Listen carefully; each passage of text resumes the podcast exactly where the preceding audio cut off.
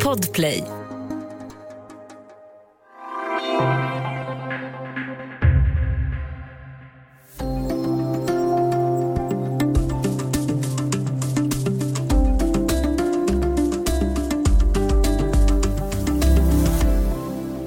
Den spanska solkusten associerar man kanske mer med brunbrända, välbeställda svenska pensionärer än med drogrelaterade mord och sprängningar. Men inte längre. Under de senaste tre åren har över 70 svenskar gripits av spansk polis för brott på orter som Marbella och Malaga. Välkommen till Studio DN. Jag heter Sanna Thorén Björling.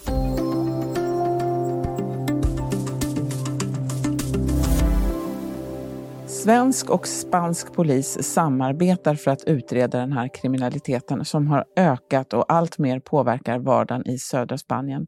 Med oss idag har vi Lasse Virup som är kriminalreporter på DN och som har skrivit flera böcker om kriminalitet.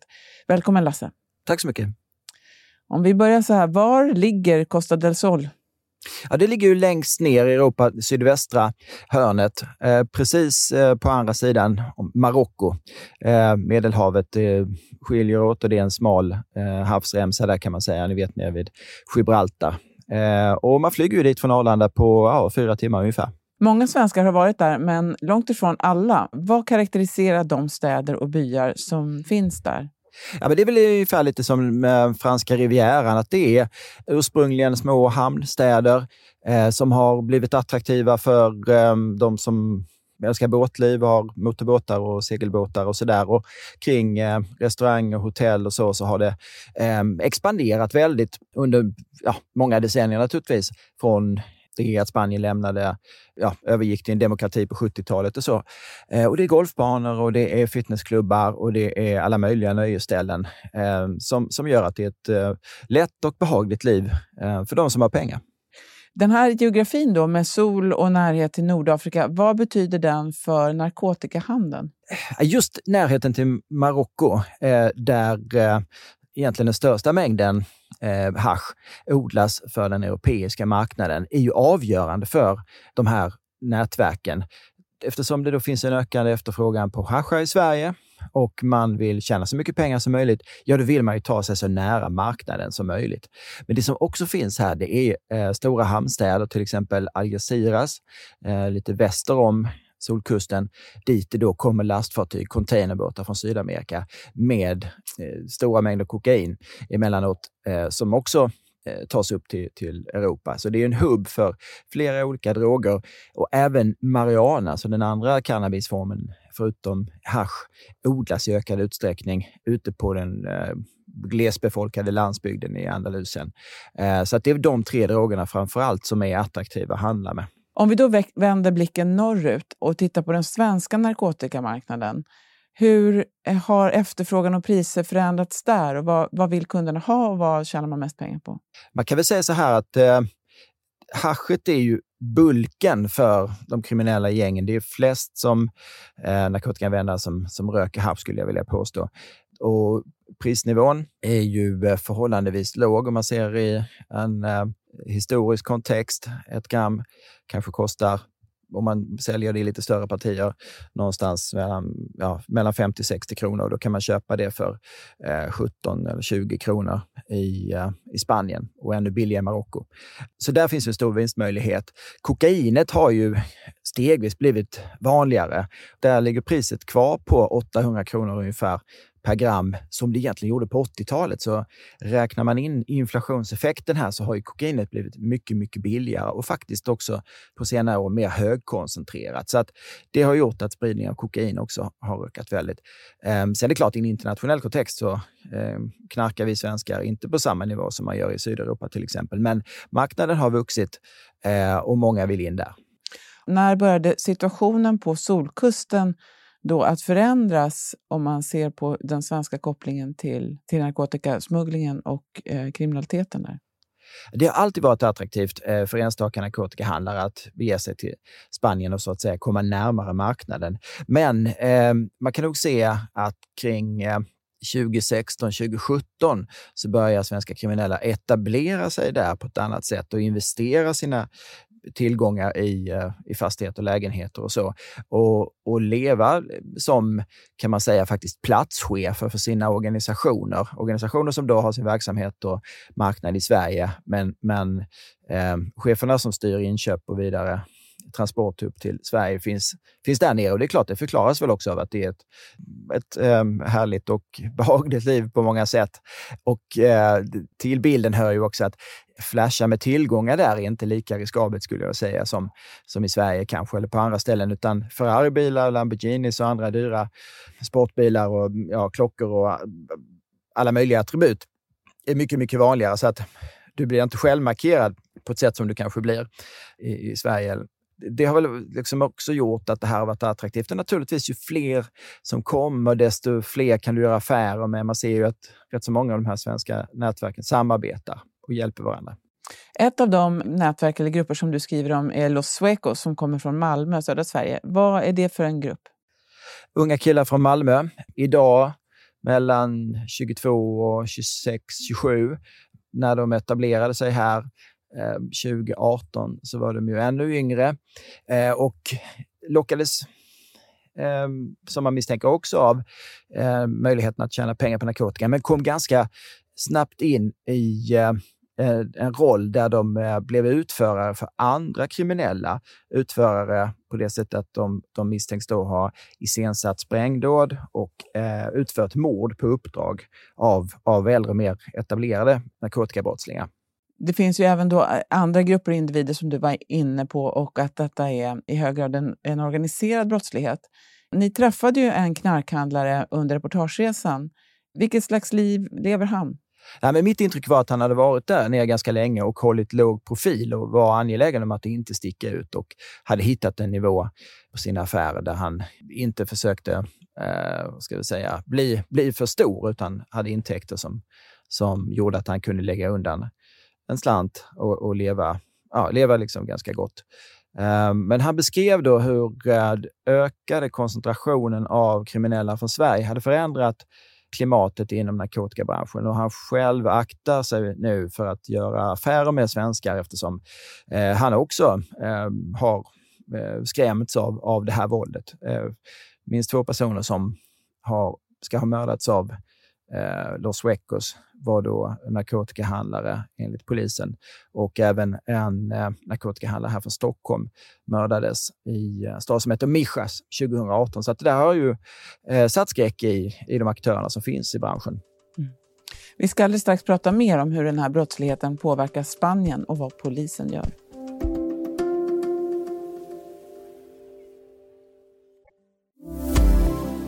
Extremadamente peligrosos. Hay que tener en cuenta que probablemente son los criminales europeos que más rendimiento económico sacan a la droga que adquieren en España y que luego suben a sus países. Y entonces todo ese beneficio... De är extremt farliga. Man måste tänka på att det är de kriminella i Europa som tjänar mest på narkotikan de får tag på i Spanien och sen tar till sina länder. Den här vinstmöjligheten skapar en stor konkurrens samtidigt som marknaden är begränsad och det gör våldet att våldet blir extremt. Ja, det säger kapten Ruiz Espildora inom Guardia Civil i Malaga till dig, Lasse. Vad menar han här? Jo, men han tar ju fasta på det faktum att Sverige då ligger långt ifrån eh, haschodlingen i Marocko och ju längre bort man kommer desto högre pris. Så eh, det är hans analys av varför vi har fått en speciell situation i Sverige där man då, menar att i en internationell kontext så är den svenska marknaden relativt liten, men vinstmöjligheterna är väldigt stora och då finns det många kriminella aktörer som konkurrerar här och då blir det ett speciellt våld. Jag tror kanske att man kan komplettera den bilden eh, på det sättet att det, det är andra faktorer också som har gjort att våra svenska eh, gangsters, slarvigt uttryckt, har blivit så våldsamma. Och det är väl eh, en viktig faktor är naturligtvis att polisen har så låg uppklaringsprocent så att man ser att man kommer undan med de här metoderna, att det har lett till våldsspiraler. Det här samarbetet då mellan polismyndigheter i Sverige och i Spanien, där det är både vanliga polisen och militärpolisen. Hur ser det här samarbetet ut? Ja, det finns då någonting som heter en Joint Investigating Team som eh, är bildat vid Europol i Haag. Och när man då har bildat ett sånt så kan man kommunicera eh, snabbt och effektivt länderna emellan, polismyndigheterna emellan också på åklagarnivå, eh, vilket då gör att man kan dela information snabbt. Och Guardia Civil i, eh, Eh, Madrid, som jag också besökte, är liksom hubben för det här underrättelsesamarbetet. Eh, det förekommer också att svensk personal tar sig till Spanien och eh, agerar med godkännande av spansk domstol och till och med har infiltrerat, som vi kan nu berätta i, i minst ett fall här, en, en svensk liga. Många av de här utredningarna tar ju ändå väldigt lång tid. Vad, vad får det för följder? Ja, det är väldigt långa häktningstider i Spanien. Eh, nu så i november här kommer de första åtalspunkterna mot Los Suecos upp i rätten. Det gäller då sprängningar. Morden väntas komma tas upp ännu senare. Och då har det gått eh, nästan tre och ett halvt år sedan de här brotten, vilket är väldigt lång tid. Eh, vi i Sverige anses ha internationellt sett ganska långa häktningstider, men Spanien har faktiskt ännu längre. Och En förklaring som jag har fått är att man vill försöka utreda ett brott som rubriceras som deltagande i kriminell organisation. En brottsrubricering som vi inte har här i Sverige, men som finns i många andra EU-länder. Och då menar Guardia Civil att ja, det här är olyckligt med de långa tiderna, men ofta handlar det om att man från då undersökningsdomarens sida vill utreda även detta och det kräver då väldigt mycket komplicerad bevisning. Ja, det är ett svar som jag har fått, men det är väl kanske också så att det inte finns på samma sätt som i många andra länder, en, en eh, press på att man ska hålla nere häktningstiderna. Å andra sidan så är det ganska många som är frigivna med beslagtagna pass i avvaktan på åtal. Eh, jag var i kontakt med en sån person här från Stockholm till exempel. I Stockholm, eller i Sverige, finns det stora problem med folk, att få folk att vittna. Vet du om det är samma, man har samma bekymmer där? Jag kan inte säga att jag är så påläst när det gäller den frågan, men eh, det är i alla fall ingenting som Guadalajara tar upp i, i, när jag träffar dem. Och eh, Det är klart att allmänheten som vi mötte där säger ju att det här, Los Suecos till exempel har, har spridit väldigt mycket skräck. Eh, såklart ställs det på sin spets så, så kanske det kan vara så. Men jag vill också betona då att en del av de här brottsoffren har varit väldigt eh, frispråkiga. Till exempel så intervjuar en eh, byggföretagare härifrån Stockholm som nyligen etablerade sig nere i eh, Marbella och som blev utsatt för misstänkt utpressningsförsök av svenskar från Göteborg. Och, och, han var väldigt rätt fram och sa att det här tänker jag göra allt för att ska stoppa och tillsammans med polisen. då. Du skriver ju då eh, och rapporterar om grova våldsbrott. Vi är inne på mord, flera mord och sprängdåd. Men det handlar ju också om ekonomisk brottslighet. Det är mycket penningtvätt och det kan vara skattebrott och så. Hur ser det där ut? Ja, men det är ju hela drivkraften, berättar ju den här personen som vi kallar Chris, som själv handlar med narkotika. Det är klart att det är ju pengarna och hur du då ska eh, omsätta de här svarta pengarna till vita eh, i tillgångar som myndigheterna förhoppningsvis inte ska kunna beslagta. Eh, och det finns ju en hel bransch för det här då regelverket i Spanien är ganska hårt när det gäller fastighetsköp till exempel. Man har olika kontrollfunktioner och så. Men bevisligen så kan vi ju se då i vår granskning att kriminella har lyckats köpa fina hus till exempel. Och mäklare, svenska mäklare nere på Solkusten som vi pratar med säger att ja, det är väl tyvärr så att bland de här mer än 10 000 fastighetsmäklarna enbart i Marbella-området så det är klart att det finns rötägg då som, som kan tänka sig att samarbeta med kriminella med mycket pengar. Den organiserade brottslighet som vi ser i Sverige och som märks här i gänguppgörelser och skjutningar som det rapporteras om, eh, den är ju också i grunden drogrelaterad ofta. Vilka kopplingar finns mellan de nätverken och de här nätverk och individerna som, som du skriver om i, i Spanien? Ja, men det är i hög grad samma nätverk. Just det här då att nätverken har eh, insett att man vill ha en, en platschef nere på Solkusten som kan göra affärer, göra upp dealar med eh, eh, organisationerna, ofta de marockanska, och sen ordna transporterna för att, att, ta hem varorna till Sverige. Så det är ju det som har avslöjats senaste året, inte minst genom Encrochat-bevisning, eh, att flera nätverk har haft sina ledare baserade där nere. Och vad ser vi framåt? Det är ju en kamp då mellan den starka efterfrågan på narkotika, som är drivkraften här i grund och botten, och en polis då med ökade resurser, åtminstone i Sverige. Mm, det är ju komplicerade samband när det gäller narkotika. För Det är klart att är det är många som slås ut, som har skett nu.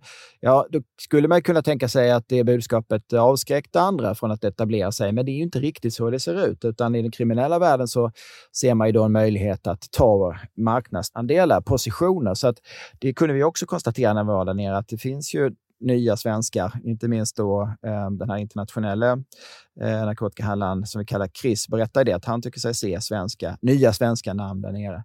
Och eh, det faktum att Guardia Civil också har tillsammans med Polisia National och svensk polis eh, intensifierat sitt arbete. Det har lett till att lite mindre eh, hasch från Marocko kommer över, eh, berättar källor. Och det är klart, det är, ja, det är naturligtvis även den marockanska eh, polisen som, som också ökar det här trycket på de egna handlarna. Men det gör då att då bygger haschorganisationerna upp större lager och kan då sälja billigare. Och när man säljer billigare, då ökar ju också vinstmöjligheten och attraktiviteten i den här handeln som gör att det kommer nya lycksökare. Så att det är inte så enkelt som att man säger att man jobbar man hårt från polisens sida eh, så, så, så kommer man att slå undan benen för narkotikahandlarna, utan det är liksom andra samband egentligen som gäller. Att det kan mycket väl bli så att om polisen jobbar hårt så blir det mer attraktivt för, för vissa. Alla i den kriminella världen är ju beredda att ta större eller mindre risker. Så vad, vad kommer du själv hålla koll på framöver? Både när det gäller de här rättegångarna som pågår men också i den utveckling vi ser? Ja, men det är ju naturligtvis väldigt intressant och försöka se om det trots allt är så att man växlar över till annan brottslighet från, från eh, de svenska organisationernas sida. Eh, för det är klart att det är ju ett tryck där nere, men det är också ett ökat tryck i Sverige. Eh, sen sker det ju en diskussion kring ja, någon typ av eh, avkriminalisering. Eh, det finns ju politiska röster som, som tycker att det skulle vara en väg att gå.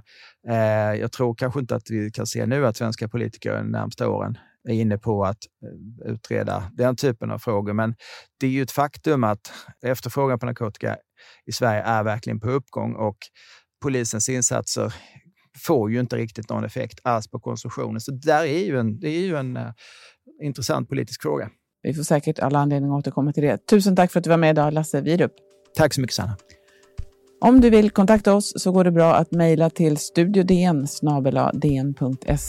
Studio DN görs för Podplay av producent Sabina Marmelaka, ljudtekniker Patrik Miesenberger och teknik Jonas Lindskog, Bauer Media. Jag heter Sanna Thorén Björling.